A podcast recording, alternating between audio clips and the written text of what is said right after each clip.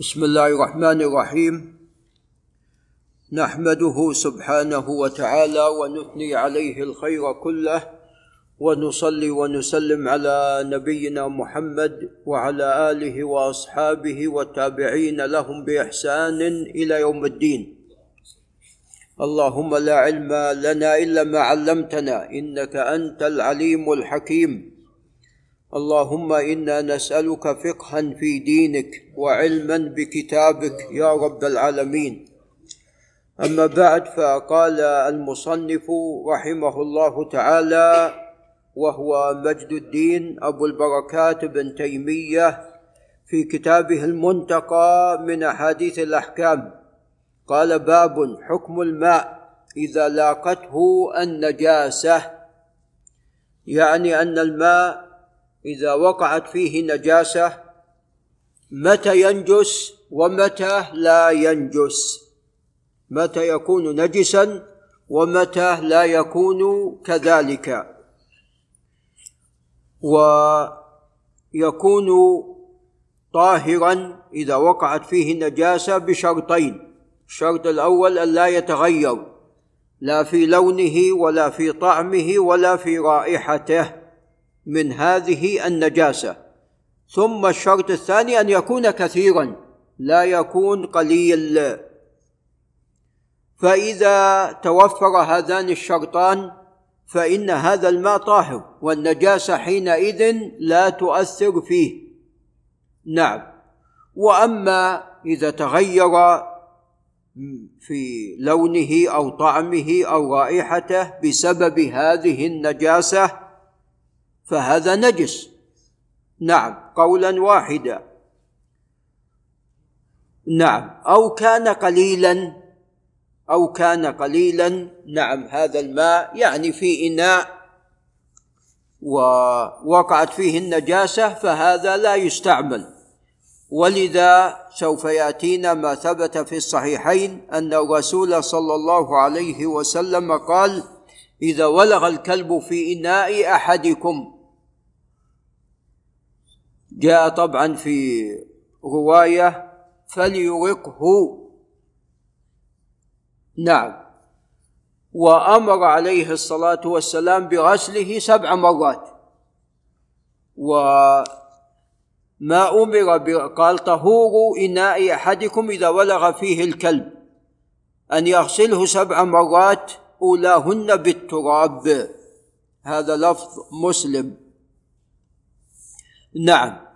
فتطهيره يكون بغسله سبع مرات لهن بالتراب. فلولا أنه نجس لما أمر بذلك عليه الصلاة والسلام وقد قال في بداية الحديث طهور إناء أحدكم.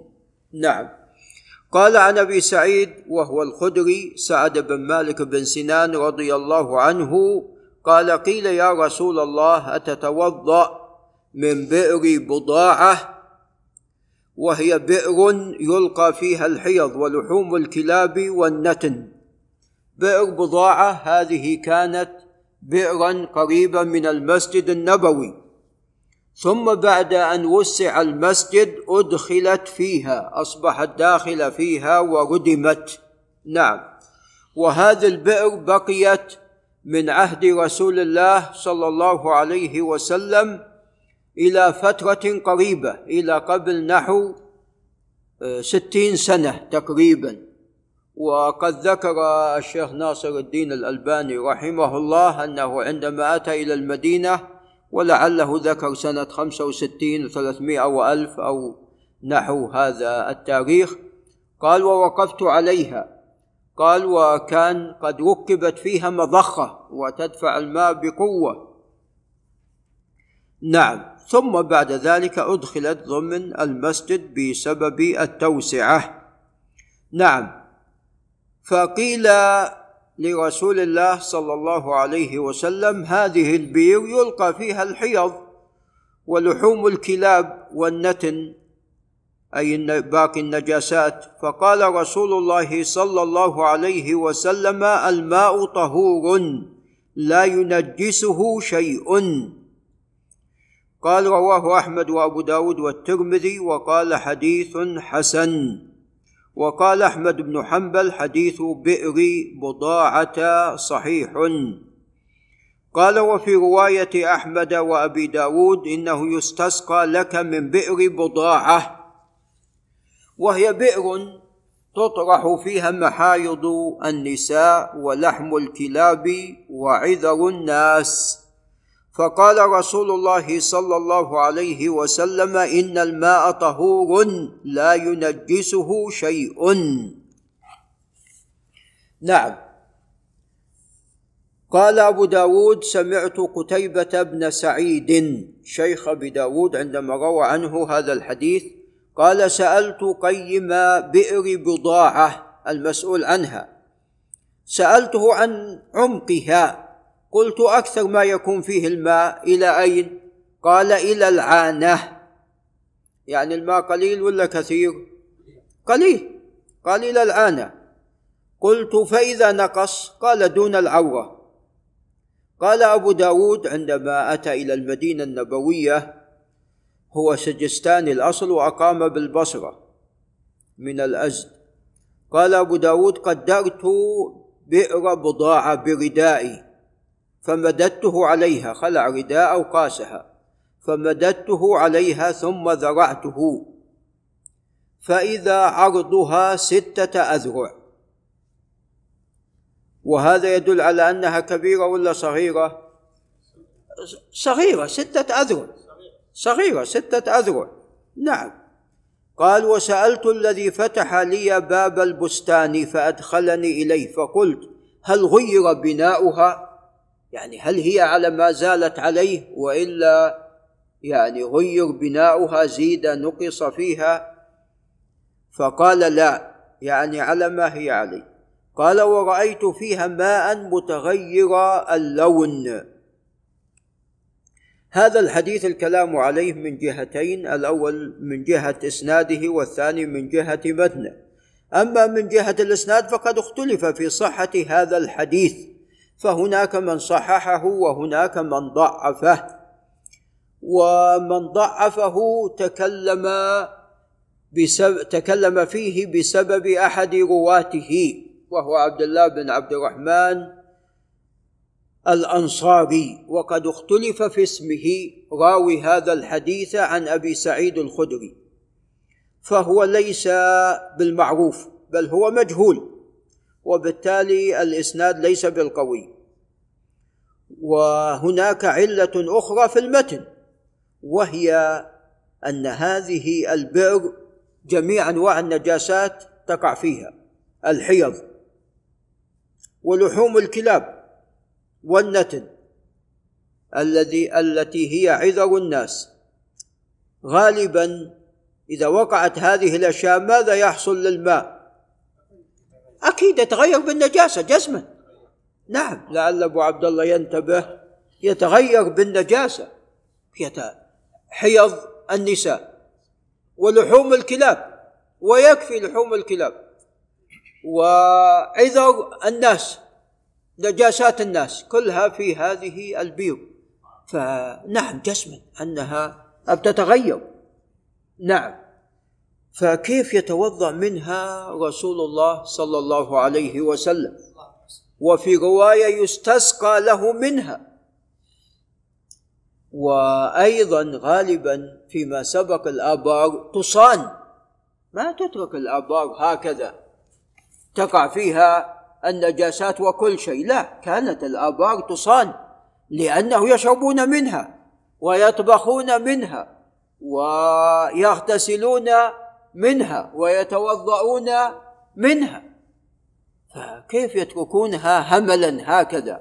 تقع فيها النجاسات أو يلقى فيها النجاسات؟ نعم. فهذا الخبر لا يصح لا من حيث الإسناد ولا من حيث المتن. نعم. قال وعن عبد الله بن عمر بن الخطاب رضي الله تعالى عنهما قال سمعت رسول الله صلى الله عليه وسلم وهو يسأل عن الماء يكون في الفلاة من الأرض. هذا ماء في الفلاة وبالتالي قال وما ينوبه من السباع والدواب. لأن ما في. في الفلات في البر. نعم. وجزما يكون غير محفوظ. فتأتي الدواب تأتي. نعم الكلاب تشرب. فقال يعني ما حكم هالماء الذي في الفلات؟ قال إذا كان الماء قلتين لم يحمل الخبث يعني كثير.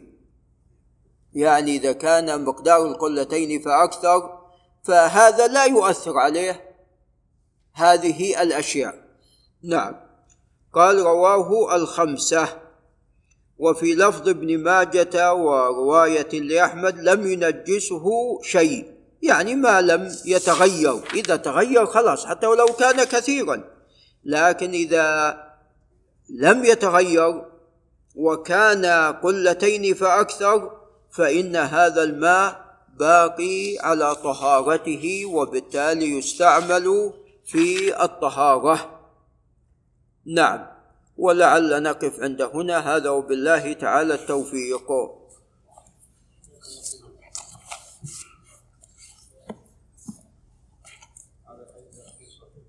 اي صحيح حديث القلتين صحيح. حديث القلتين صحيح وعلة بما يعني ليس بعلة. هو جاء من حديث محمد بن جعفر بن الزبير عن عبيد الله وعبد الله وقع اختلاف ابن عمر عن عبد الله بن عمر. وجاء من طريق محمد بن عباد بن جعفر. هل هو محمد بن جعفر بن الزبير أو محمد بن عباد بن جعفر وكلاهما ثقة؟ سواء قلنا هذا أو ذاك. وفي شيخ أيضا في شيخ يختلف عبيد الله بن عبد الله بن عمر أو عبد الله بن عبد الله بن عمر وكلاهما ثقة. فبالتالي لا هذا الاختلاف في إسناده لا يؤثر.